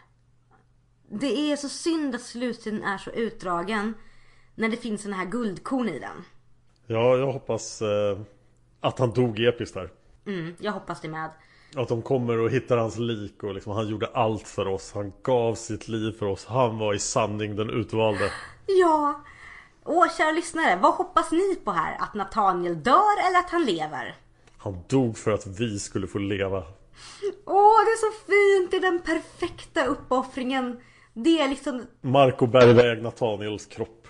Ja, ja. Och. Ellen står framför hans grav och sörjer. Åh, det är fint. Ja, det är vackert. Ja, det vill jag se. Ja, men det har varit den här boken och boken avslutas med raderna Sagan om Isfolket avslutas med nästa bok. Ja, det känns ju märkligt för det här känns ju klart. Men i och med att vi kunde ägna en hel bok åt att förbereda slutstriden så kan vi förstås ägna en hel bok åt efterspel och vi får se vad som händer med alla karaktärerna. Och det är alltid ja. trevligt. Jag älskar efterspel i böcker och filmer. Det är jätte- jättetrevligt. Oftast känns det som böcker och filmer slutar lite för abrupt och man får inte svar på allting. Men här har vi en hel bok där vi kan få svar på allting. Mm, kan- kanske kan bli som Sagan om ringen-slutet som ju folk kritiserade massor när filmerna Jag älskar kom. Sagan om ringen slutet. Vi Ja, jag tycker det är jättebra liksom, att det, det liksom slutar och så slutar det en och så slutar det en och så slutar det en. Man, man behöver aldrig sluta, man kan bara fortsätta. Nej, jag ska inte säga hur mycket jag grät under den filmen. Men jag grät i princip hela sista timmen av den. Åh. Ja. Eh, ja, Ja, jag har en fråga jag vill diskutera. ställ den. Och det är det här, medan Nathaniel håller på med sin slutet så kommer ju den lilla newsflashen från Lu- Rune och Lucifer. Ja, Och det är att Tengil den onde har aldrig druckit av det svarta vattnet. Han har bara fått stängt på sig. ja det räckte ju ganska långt. Ja, men hur fungerar det här då? Vi har hela tiden fått den här uppfattningen om att Tengil den onde är odödlig och så stark för han har druckit av ondskans vatten. Han behöver dricka av det igen för att nå sin fulla kraft. Men plötsligt är han så här stark utan att ha druckit av det. Det går inte ihop. Det onda vattnet känns ju betydligt bättre än det klara vattnet då för Kira drack ju faktiskt. Ja, och Kira var mig veterligen inte odödlig. Nej, hon blev så här, ja, nu är du vanlig igen. Ja, och Tengilnonde kunde bevisligen avla barn. Ja, så att eh, det, det svarta vattnet kanske i och för sig, ja, svårare att komma åt då uppenbarligen och svårare att få full kraft av men betydligt mäktigare. Ja, så bara några stänk på huden och du kan bli en gammal gubbe med korta ben och gamnäbb. Mm. För det är ungefär så episkt Tengilnonde var i den här boken. Som hittat. Ja, Någonting annat? Eller ska vi gå över till formalien? Vi går över till formalien. Vi har fått massa synpunkter från er lyssnare på den här boken och det är vi jätteglada för. Ja, det får vi tacka extra mycket för eftersom vi spelade in böckerna med väldigt kort tid emellan sen bok 45. Men tack så jättemycket för att ni svarade så fort. Ja, och frågorna vi ställde var ju vad tycker du om boken? Vilka är dina favoritögonblick i boken? Vilken är din favoritkaraktär? Och sen slutligen, det här är i praktiken slutet på Isfalssagan. Vad tycker du om slutstriden? Alltså bok 42 till 46. Vad var bra? Vad kunde gjorts bättre? Och första svaret kommer från Akasha som säger som svarar på frågan Vad tycker du om boken? Den är fantastisk. Favoritögonblick i boken. När Nathaniel och Ellen räddar Fekor är så otroligt gripande. Margit visar oss det mirakulösa i den rena kärlekens kraft. Jag får rysningar och tårar i ögonen. Sedan scenen när Tengilnonde slickat på glasproppen och blivit jättemäktig och jättesnygg och hur han snabbt förfaller. Episkt! Den roligaste scenen, det är när mossmännen sågar av benen på Tengil Nonde. Favoritkaraktär? Jag kanske säger Nathaniel som äntligen får blomma ut i sin fulla kraft. Och sista frågan, vad tycker du om slutstriden? Akasha svarar, hela det här äventyret i det stora svalget är ju ascoolt. Måste ha blivit sån otrolig gemenskap mellan alla de som fick uppleva det. Gillar även mossmännen som är otroligt coola och mystiska. Eh, nästa svar kommer från Martha. Vad tyckte Martha om boken? Boken är bra men inte så bra som jag hoppats. Det är ändå en del av slutstriden. Alla dessa långa konversationer med tankekraft. Blä. Det är tråkigt att läsa Marco sänder, Nathaniel sänder, Tova sänder. Och när de flaxar runt i stora svalget. Det tar alldeles för lång tid att beskriva hur folk och demoner far omkring. Det är spännande när Nathaniel ser delar ur Tengilrondes barndom. Hur Nathaniel försvagar Tengilronde genom ömhet och kärlek. Kärlek, vänskap och lojalitet är en röd tråd genom boken. Favoritögonblick i boken. Nära slutet när Nathaniel verkligen förstår sin styrka. För den skull hade just han blivit den utvalde. Han visste nu att Marco aldrig skulle klara av att övervinna Tangil. Favoritkaraktär Nathaniel! Och om slutstriden då. Margit är fantastisk på att skriva pågående historier men hon är inget vidare på att avsluta. Vi talar ändå om 46 boker och en otrolig historia som bara tar slut alldeles för enkelt. Isfolket förtjänade att besegra Tengilronde utan inblandning av Lucifer. Mm. Och nästa svar kommer från Blodsömn som säger en mycket spännande bok. Att följa striden mellan Tangil och Nathaniel var mycket mer spännande än vad jag mindes. Och även om jag visste hur det skulle sluta kunde jag inte sluta lyssna och jag var helt fast. Favoritögonblick? När Nathaniel äntligen inser hur stark han är. Äntligen! Favoritkaraktär? Nathaniel eller Tili? Och vad tyckte du då om slutstriden? Och Blodsen svarar, jag tycker att slutstriden var riktigt bra. Vi fick äntligen knyta upp säcken på hela sagan. Det är tråkigt dock att det tar så lång tid att få läsa om Nathaniels krafter. Nästa svar kommer från Charlotte M som gör sin första post på forumet. Woho! Välkommen! Hej och välkommen Charlotte! Eh, Charlotte säger Jag har nyligen hittat podden i samband med att jag läst om böcker efter 25 år. Podden blir bara bättre för varje avsnitt. Jag älskar era ärliga och roliga analyser som får mig att skratta högt. Ja, tack. Ja tack, vad tyckte du om boken? Inte ett dött ögonblick. Tempot skruvas upp ordentligt nu, bra och spännande. Favoritögonblick? När mossmännen ska hjälpa Tengilon genom att såga av benen och då gör de kortare. Det går bara inte att ta honom på allvar. Nej. Och när Ellen och Nathaniel återförenas Favoritkaraktär Nathaniel Som äntligen inser vilken kraft han faktiskt besitter och kliver ut ur Marcos skugga Om slutet då Eh, det blev slutstriden, alltså bok 42 till 46. Det blev lite väl utdraget men otroligt spännande. Jag känner verkligen med Nathaniel, Marco, Ellen, Tova, Gabriel och Ian i deras gemensamma personliga utmaningar och blir så berörd av deras sammanhållning. Jag tycker mycket om Nathaniel och Tengilondes slutkamp som är riktigt spännande. Tycker delen när Marco ska låsa upp Tilis lås är bland det värsta jag läst i hela Isfolket-serien. Jag kommer ihåg att jag tyckte det var jobbigt när jag läste det för 25 år sedan. Det är minst lika obehagligt nu. Tili är så fruktansvärt utsatt på ett så utstuderat grymt sätt. Jag gillar inte denna scen, även om Marco försöker göra det bäst, bästa under omständigheterna. Så blir jag bara illa berörd. Mm. Och nästa svar kommer från fröken Anna-Maria som säger Det finns en viss spänning men även något av en antiklimax. Efter allt som byggs upp kring det stora svalget så känns det lite för enkelt. Mossmännen har grävt ett stort magiskt hål där allt virvlar runt i förhoppning om att det som virvlar ner i det ska vara ätbara. Eftersom väldigt få ätbara Eftersom väldigt få är ätbara bygger de istället burar och fårfåll att förvara alla andar och demoner i. Då Lilith är deras anmoder lovar de att släppa ut alla igen eftersom isfolket är kompis med Lilith. Omständigt. Även om jag tycker synd om isfolkets alla vänner som hamnar i svallet så försvann mystiken i ett nafs när alla till slut kunde komma ut därifrån. Däremot är Tengil i Däremot är Nathaniels jakt på Tengil den onde och krukan mycket spännande. Och jag gillar slutstriden när Nathaniel helt kapitulerar inför den undersköne iskalle Tengil den onde. Men det visar sig just vara den hängividen som är förödande för den onde stamfadern. Favorithändelse. Och jag citerar. Och Nathaniel, vars styrka var godhet, brast i gråt. Han kände en innerlig ömhet och djuphet. Nej. Och Nathaniel, vars styrka var kärlek, brast i gråt. Han kände en innerlig djup ömhet och kärlek till detta lilla barn som han såg för sin inre syn. Vi kan tala samman. Jag kan berätta för er om er barndom. Ni kan få en vän, ni kan få en vän i mig om ni bara... Och fröken Anna-Maria säger Jag är väldigt svag för den här typen av upplösningar där kärleken får övervinna allt. Favoritkaraktär? Nathaniel, när hans verkliga styrka får komma fram och han slutar vela omkring. Om slutstriden som helhet då? Fröken Anna-Maria säger Det är för mycket hjälpare. Jag önskar stryka Lucifer, demonerna och diverse onödiga andar. De fem skulle ha fått klara sig mer själva. Jag skulle önska att Tengil onde var intelligentare och inte så barnslig och dum. Sedan gillar jag inte lillgamla tolvåringar som berättare. Däremot tycker jag om när små, till synes ovidkommande händelser får stor betydelse. Till exempel Tilis bild i glasfönstret och Hannas tårade ögon när han skildes från Silje och barnen. Det borde varit fler sådana händelser från hela bokserien som fällde mer utslag.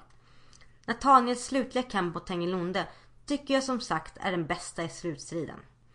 Och vidare säger fröken Anna-Maria Idag lånade jag ut bok 47 från skolbiblioteket till en av mina 16-åriga elever som har svenska som andraspråk. Hon började läsa i oktober och hunnit igenom hela serien på nio månader. Oj! Wow. Fröken Anna-Maria säger starkt jobbat även om jag vet att hon har slarvläst en del. Jag frågade vad hon tycker om böckerna och hon svarade att hon älskar dem. Jag har dock inte lyckats övertyga henne om nöjet att lyssna på podden. Men om hon får bestämma finns nog en somalisk översättning snart. Vad roligt att höra! Ja, och jag har faktiskt börjat på en somalisk översättning av Isfolket-podden. Så att eh, du kan hälsa henne The Gaiso Isfolket-podden. På riktigt? Det betyder lyssna på Isfolket-podden på somaliska. Ja, jag började för en minut sedan så att jag har inte kommit så långt. Men eh, jag jobbar på det. Jag har två repliker till på det här. Eh, det första är det här med upplösningar där kärleken får övervinna allt. Jag arrangerade ett Isfolket live en gång. Där jag då, det var ju slutet för Mossmannen tar som jag spelade på ett antal Isfolket live. Och jag döpte livet till Trots att de älskade varandra så mycket. Åh nej! Åh vad jobbigt. Hela poängen med livet var just att isfolket skulle förlåta Tar. Och då var Tar under influens av kärleken som var en förkroppsligad varelse på livet. Oj. Så då skulle han ångra sig och bli god. Och när vi står inför den här episka slutscenen och jag har liksom planterat det där så hårt så tänker jag att de kommer ju att komma på det här. De kommer vända om till den goda sidan. Ja, så manar de ner mig i jorden. Va? Och jag dör. Va? Jag, skulle, jag satt upp det här slutet, jag hade planerat det hur länge som helst. Kärleken övervann inte allt. Nej, manande övervinner allt. Ja, fast du var mossman då, eller hur? Ja, jag var en jätteelak mossman. Du förtjänar det. Hatar Ja, mossman. ja det, det gjorde jag absolut. Eh, Den sista jag kom att tänka på, just det här med Tili och fönstret och så. Det var ju kul för oss läsare att vi fick någon slags hint om att hon inte var död. Men det visste vi å andra sidan eftersom hon inte var i Demonernas fjäll. Och att vi visste om det gjorde ju ingen som helst skillnad egentligen. Att isfolket visste om det gjorde ingen skillnad. Utan även om de hade hamnat i det stora svalget utan att veta någonting om det här. Så hade de ju, det hade ju hänt precis samma sak. Vad slog mig? Jag tänker ju så här att Tilly hade ju mycket väl kunnat vara död. Men att hon hade dött och hennes ande hade förintats eller bundits någonstans. Jag tror att när jag läste böckerna första gången så var jag ju helt övertygad om att ja, men de kommer hitta hennes döda kropp. Eller hon är inte Demonas fjäll för att hon ja, Tengelund har förintat hennes själ eller bundit henne någonstans. Att hon nu var levande. Det var nog den största grejen för henne för att man, man glömmer liksom att det är inte bara att de hittar henne, de hittar henne vid liv. Hon är inte en ande, hon är, hon är lika levande som Nathaniel och Ellen och Gabriel och Tova och Ian. Ja. Så det, ja, jag tycker det är fräckt. Ja, nästa kommentar kommer från Silja Arngusdatter. Som tycker om boken. Den är i stort sett ganska spännande även om vissa saker är lite långdragna. Det är bra att Nathaniel äntligen komma till sin rätt. Men eh, jag förstår inte riktigt varför han inte får veta sina krafter han egentligen besitter innan han verkligen behöver dem. Äh, det blir ju helt enkelt mycket mer dramatiskt om han upptäcker dem i sista sekunden. Ja, men lite, lite tröttsamt också. Ja, bokens bästa ögonblick. Det är början när de fem utvalda använder häxkonster och jakhornen för att ta sig in i det stora svalget. Och slutet när Nathaniel eh, ger Tengilonde nådastöten och efter det. Likaså när Nathaniel och Ellen och Tamlin och Trond och Tyfon tillsammans räddar Fekor. Den scenen är verkligen fin. Favoritkaraktär Marco tror jag. För hans hänsynsfullhet i en väldigt svår situation. Som för övrigt är hjärtskärande upprörande stackars Tili. Och Nathaniel som äntligen och nästan för första gången sedan han var fyra år verkligen visar att han duger till någonting. Alltså det är sidos, måste sidospåret. Nathaniel var ju väldigt mycket mer medveten om vad han kunde och inte kunde när han var fyra år än vad han är, kan nu. Herregud. Ja, slut på sidospår. Slutstriden som helhet då. Eh, jag tycker väl att hela slutstriden borde vara komprimerad till färre böcker. Man kunde gärna slagit samman 39 och 40, 41 och 42, delar av 44 med 43 eller 45. Och till slut eh, 46 och spoiler. Slutstriden borde ha fått handla om isfolket och i stort sett bara isfolket. Det hade varit mer episkt med större fokus på de fem utvalda och Ian. Och deras kamp mot Tengeldronde. Som det är här så finns det nästan mer biroller än huvudroller. Det är nästan mer fokus biroller än huvudrollerna. Kanske med undantag för Nathaniel och Marco. Och speciellt Tova borde ha fått bidra mera. Hon är ju den drabbade just nu. Det hade kanske fungerat med isfolkets förfäder som allierade på var sida. De goda mot de onda drabbade. Tengeldronde själv borde ha varit åtskilligt mer intelligent. Och faktiskt borde han ha litat mer på Sölve. Nej, varit lik, varit mer Nej, Han borde ha lik- liknat mer Sölve som Sölve framställt i Drakens tänder. Och Sölve själv borde ha fått mer plats i slutstriden. Ja tack till mer trolldom och häxkonster och flera nostalgiska ögonblick. Som när Tova tänker på Charlotte Tengel, Silje och barnen och deras strapatser över fjällen. Och mötet mellan Sol och Hanna, Grimar och Vega. Och nej tack till Lucifer! Hans enda bidrag borde ha varit några goda gener till Marco och Nathaniel. Nej tack till demoner, kanske med undantag av Tamlin. Nej tack till Margit Sandemo som karaktär i boken. Till gudomar, andar som inte kommer från isfolket. Nej tack till SS-soldater och conquistadorer. Och nej tack till nummer ett, två, tre och så vidare. Det allra bästa hade varit om sagan hade slutat redan på 1800-talet för att blir för modernt. Och för många av karaktärerna blir alltför endimensionella. Vi lärde känna Sol bättre på tre böcker än vi lärde känna Marco på 19 böcker. Oh shit, har han varit med i så många böcker? Ja, Silje brukar ha rätt när hon säger saker. Ja, Silja har helt rätt. Wow. Mm. Utan att jag därmed vill säga att Marco är endimensionell, men han är heller inte lika djup som de tidiga karaktärerna i sagan.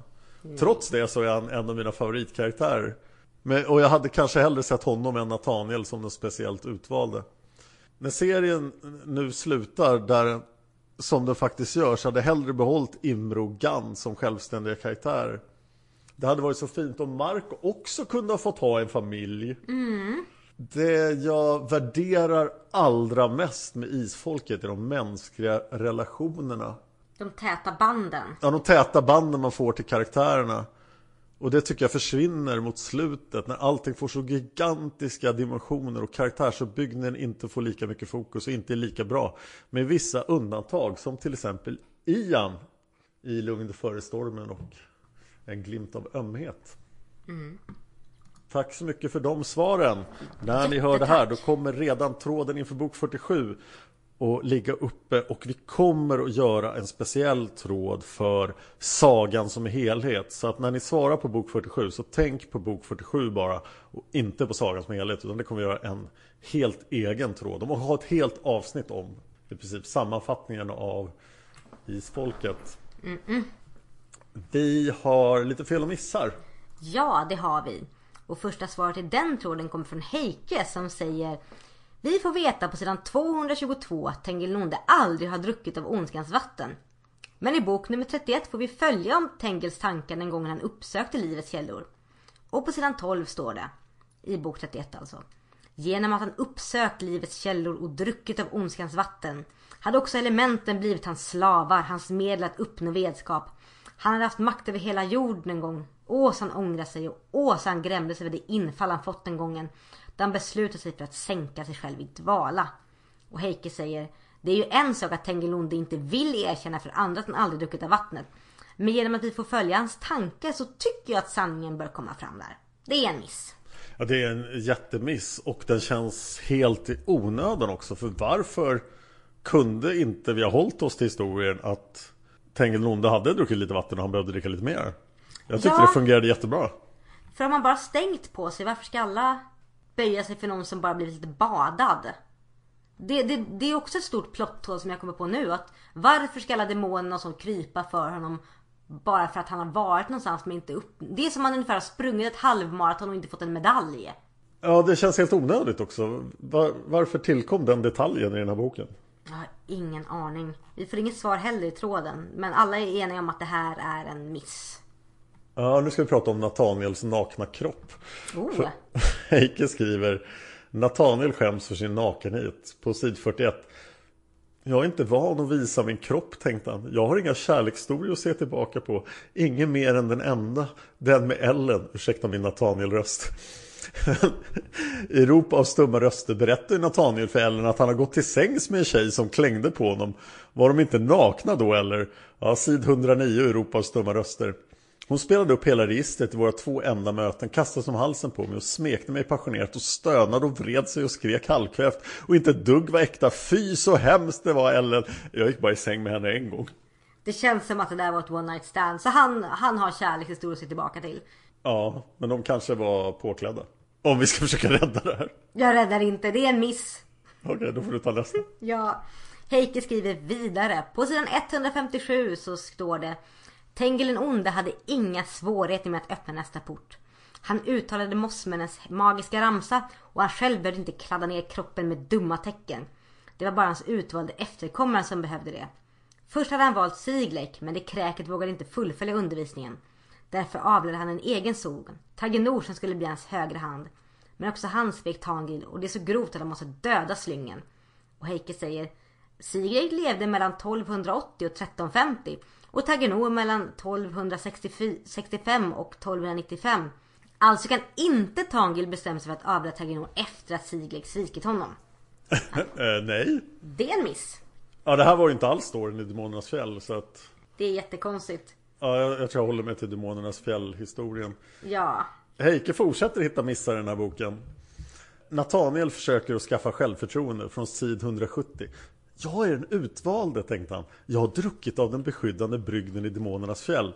Men då säger Heike, eh, nej det har du inte Nathaniel. Det var ju det som chockade alla när de skulle dricka bryggen. Att du inte fick något av den. Oh oh, det är ett jättefel. Det är ett jätte jättefel. Ja, konstigt. Ja. Ja, vill du ta nästa? Heike, det är lite mer funderingar här över detta med odödligheten och Tengil Nondes drickande av vattnet eller inte. Och då har Heike sagt in för en annan tråd där Gabriella skriver Jag har funderat på Tengil den onde hur han kunde bli odödlig. I bok 42 på sidan 45 berättar Rune om Tengils vandring vid källorna. Han får återberätta av andarna hur det gick för Tengil den onde. Bland annat så säger det Han blev lovad odödlighet, all världens rikedomar och fullständig makt över mänskligheten om han drack av vattnet. I, I bok 46 på sidan 222 så tar Rune kontakt med Tane, Nathaniel och berättar att han och Lucifer har pratat med Shama. Och det jag citerar. Och när vi ansatte Shama hårt så upplyste han oss om att Tangil aldrig har druckit av ondskans vattnet. Om han har påstått det själv så är det en lögn. Och Gabella säger också det här som vi alla funderar över att om Tengil aldrig drack av vattnet så borde han väl inte bli odödlig. Ja, och Silje, Mäster Arngrim försöker rädda det här med när Tengilonde kom till det svarta vattnet fick han stänk på sig precis som Kira men det gjorde så ont att Tengilonde blev rädd och bestämde sig för att spara vattnet till bättre tider. Men det gav honom evigt liv, dock som förkrympt fuling, men ändå. Så har jag uppfattat det hela i alla fall, men det är ju versionen från den här boken som motsägs då av de tidigare böckerna där det har nämnts. Ja. Och Vanja den sköna har hittat ett jättefel. Hon säger, jag har märkt ett fel när det gäller Siglake i den här boken. På sidan 37 och framåt ska de utvara ta kontakt med Siglake för att få hjälp med att ta sig in i det stora svalget. Senare på, i boken på sidan 147 är Siglake med inne i svalget. Hur går det ihop? Som jag fattar det kunde inte folk utanför svalget få kontakt med de som var inne i det. Va? Det här stämmer ju. Ja. Siglake är plötsligt i det stora svalget när han inte har haft någonting där att göra. Alls. Så han måste ha skickat in sig själv i det stora svalget. Ja, och det kan han inte göra heller. Nej, det fanns en till eh, lynxpistol som han råkade hitta. Nej, okej, det går inte att rädda. Nej, det här är ett fel. Ja, Det känns som att Margit skrev in Siglake eftersom då Siglake är ju Tilis närmaste släkting. För att det skulle bli en fin släktföre- återförening. Men det funkar ju inte. Det blir ett fel istället. Oj, vad fel det blev. ja, man ser ju i och för sig att det här felen här är ju förmodligen på grund av att det är så otroligt komplicerat att hålla reda på allting i slutstriden. Ja, men det är rätt stora fel det här också. Ja. Och, och några kan man inte riktigt förstå hur de uppstår ens. Nej, det mest förvirrande är väl det här med huruvida Tengilnonde drack eller inte drack av ondskans vatten som bara känns felaktigt och jättekonstigt. Ja, det är onödigt.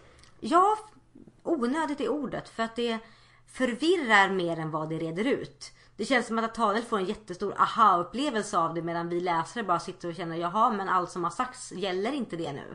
Nej, det går ju inte alls. Nej, det går verkligen inte ihop för fem öre. Usch vad synd.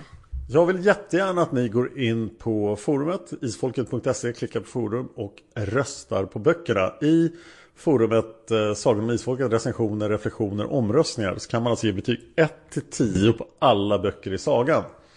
Och när ni har gjort det så kommer jag att sammanställa alla röster och så kommer vi göra minst ett avsnitt som handlar om då topplistorna böckerna. Vilken bok ni har röstat fram som bästa boken. Ja! Ja, så kommer vi då till Vanjas recension av Det svarta vattnet. Och Vanja skriver Sid 41 Och Nathaniel låg där och orörlig, kunde inte göra något. Inget annat än att känna sig dum och sysslolös och framförallt naken. Men det sista tycktes inte göra de andra förlägna. De tog det alldeles naturligt. Det var bara han själv som skämdes. Jag är inte van att visa min kropp. Tänkte han, jag har inga kärlekshistorier att se tillbaka på. Det är samma. Det är, som, det är från Ropets dumma röster då med den här att han gick i säng med henne. Och då svarar eh, Vanja Men skedde det då i våtdräkt? I Europas dumma röster? Sid 143 Ja det är riktigt i och för sig förklarar Trond. Sten består av komprimerad jord så som det blev danat i urtiden Då jordklopet skapades. Jord och lava, alla mineraler uppstod vid upphettande och sammansvetsande av små partiklar. Nej jag kan visst inte förklara det ordentligt men något sånt var det i alla fall. Hur mycket fel är det här egentligen? Vi börjar med att Trond levde i 17 år på 1600-talet. Hur vet Trond allt om lava, mineraler, svetsande och partiklar? Sid 147. Berget släppte honom faktiskt så fort att de måste fånga upp honom innan han dråsade rakt ner. För hans vingar var knäckta och de bärande vindarna blåste inte längre i grottan. Eh, Mark och Nathaniel kunde styra sig själva på de där vindarna på grund av svartängel på brå. Så långt är det helt okej. Men när vindarna är borta förstår jag inte alls hur du kan röra sig där. De kan ju inte flyga. Ja, Eller? eller? Sid 151. I den hårt sammanpressade jordväggen på klipphyllans bortresta sida öppnade sig en smal port, precis lagom hög för de största av dem. De kunde skymta att det var en tunnel som pressades ut. Den förlorades i jordlagen, Tyckte slutta ganska mycket neråt. De såg på varandra. Många såg lite skeptiska ut. Som om de hade slutat tro på underverk redan i barndomen. Hallå! Har de inte sett coolare grejer än så? Okej att de är förvånade över att slippa ut. Men de flesta har inte ens suttit där en vecka. Så stor grej ska det inte vara. Och de verkar i övrigt inte vara särskilt skeptisk skara. Det är ju en salig blandning av demoner, helveteshundar, andar och människor. Ja, det reagerade jag också på. Att Ja. helveteshundarna och demonerna hade slutat tro på underverk redan i barndomen. no, nej, inte riktigt. Sid 164. Vilken mardröm, flämtar pojken. Jag vet inte, svarar Tova tankfullt. De värsta mardrömmarna är väl egentligen de som gränsar tätt intill verkligheten. Och sen följer en och en halv sida med drömmar alla berättar om och som bara, bara ska illustrera hur det kan vara otäckt att drömma att ens mamma kommer in och häller myror i en säng istället för att drömma att man blir jagad av en vampyr. Fokus isfolket! Nathaniel kämpar för era liv. Sitt inte och prata skit och kan ni inte låta bli. Prata, så prata om något som jag inte blir så irriterad på. Sid 210. Hej Tova, sände han. Fint att höra ifrån dig igen. Detsamma svarade hon. Gissa om vi blev glada över att få livstecken ifrån dig. Ellen höll på att gå upp i limningen av glädje. Att du måste hälsa henne. Vad är det här för Comvik kompissändningar? Jag trodde det var svårt och ansträngande att prata sådär. Men tydligen inte för nu på kvällar och helger kan du telepatera för noll kronor i minuten till alla dina kompisar. Ja, då ger vi oss vidare till eh, Är det någon där ute? Den allra sista boken i Isfolksagan. Och det är ju ofta så att den sista boken är den bästa boken i en lång serie, eller hur? Ja! Ja! Uff, jag har lite av separationsångest Dan, jag vill inte det här. Vi har lite formalia kvar, eller hur? Ja, jag vet, men jag vill inte. Det har, nu har vi levt med det här i så många månader. Ja, men det är inte över än, för vi kommer göra extra avsnitt och sen kommer vi att ta oss an Häxmästaren. Och det har blivit möjligt genom att vi har fått hjälp av er och sponsring på patreon.com slash isfolket. Ja, och vi är så tacksamma. Och vi vill tacka alla er som har stöttat oss på Patreon. Så vi vill säga ett jättetack till Karin Simonsen, Hanna Naversjö, Belmina Kocha, Alba Lundström Ramirez, Cecilia Hellstrand, Nolau, Jenna Larsson Rydhammer, I.V.A. Karlström, Maria Andersson, Birgitta Hedberg, Yes Marita Vio, Blodshämnd, Petronella Thorén, Rebecka Lundqvist, Cinzia från Nor och Lone Norefors. Jättetack till er för att ni ser till att vi kan fortsätta med Häxmästaren efter det här. Tack så jättemycket och glöm inte vår sponsor nextory.se där de då har engelska isfolket och ni får 30 dagar gratis om ni skriver i koden isfolket när ni registrerar er. Ja! Eh, har vi klarat av allt då? Vi har klarat av allting. Ja, var kan lyssnarna hitta mer av dig Ann? Ja, jag finns på Facebook. Jag har en Facebook-sida som heter Setsuna Seras. Den får ni jättegärna gå in och följa. Där skriver jag om allting mellan himmel och jord. Och på den Facebook-sidan hamnar också alla mina bloggposter. För jag bloggar också på setsunaseras.blogspot.se. Så gå jättegärna in och läs där och kommentera gärna något snällt. Sedan finns jag på Twitter. Jag heter Anna Seras. Och där skriver jag om det mesta och twittrar ut roliga artiklar och bilder på söta saker. Och Dan, vad hittar man mer av dig? Man kan hitta mig på en massa poddar på iTunes och på YouTube. Och idag tänkte jag prata om Fan of History. Som är en av de få poddarna jag gör som faktiskt har kommit ut med mer avsnitt än Isfolket-podden. Jag har precis släppt avsnitt 66 av Fan of History. Och det är en podd jag gör tillsammans med Brennan Rankin. Den är på engelska, eller åtminstone svengelska när jag pratar. Och eh, den handlar om världshistorien från år 1000 f.Kr. Precis allt. Och vi har kommit fram till 712 f.Kr. var det senaste avsnittet då. Så 66 avsnitt, 288 år. Eh, Så gillar ni historia, lyssna på den. Bra. Anna är med i ett avsnitt också. Ja, det får ni jättegärna lyssna på. Vi pratar om Hatshepsut. Det är jättekul. Nej, det avsnittet du är på på YouTube. I podden är du med och pratar om Urartu och Assyriska imperiet som spöar på Ja, just det ja. Det var roligt det också. Fan och History finns även som YouTube-kanal med massa extra material där. Eh, vi vill ha iTunes-recensioner. Vi har inte fått några nya den här veckan. Eh, men om ni lyssnar på ett Apple-device så gå gärna in och eh, ge oss en recension. För det gör att podden blir mera synlig för andra. Och vi blir väldigt glada för era fina ord också. Ja, vi läser upp den i podden. Nu Dan, nu ska vi bege oss till nästa bok. Om det är någon där ute. Ja, det får man hoppas att det är någon där ute. Ja, annars får vi sitta här helt själva nästa gång. Ingen där ute alls. Nej, alldeles ensamma. Men jag hoppas att vi hittar någon. Ja, jag vet inte om jag hoppas det, men vi tar upp det nästa, nästa avsnitt. Ja. Ha det bra, hejdå! Hej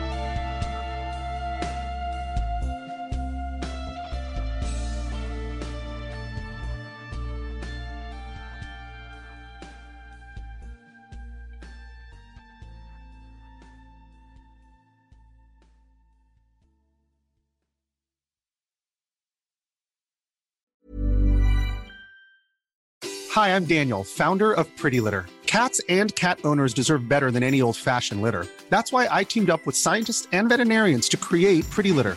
Its innovative crystal formula has superior odor control and weighs up to 80% less than clay litter. Pretty Litter even monitors health by changing colors to help detect early signs of potential illness. It's the world's smartest kitty litter. Go to prettylitter.com and use code ACAST for 20% off your first order and a free cat toy. Terms and conditions apply. See site for details. Hey, it's Paige DeSorbo from Giggly Squad. High quality fashion without the price tag? Say hello to Quince. I'm snagging high end essentials like cozy cashmere sweaters, sleek leather jackets, fine jewelry, and so much more. With Quince being 50 to 80% less than similar brands. And they partner with factories that prioritize safe, ethical, and responsible manufacturing. I love that. Luxury quality within reach. Go to quince.com slash style to get free shipping and 365 day returns on your next order. Quince.com slash style.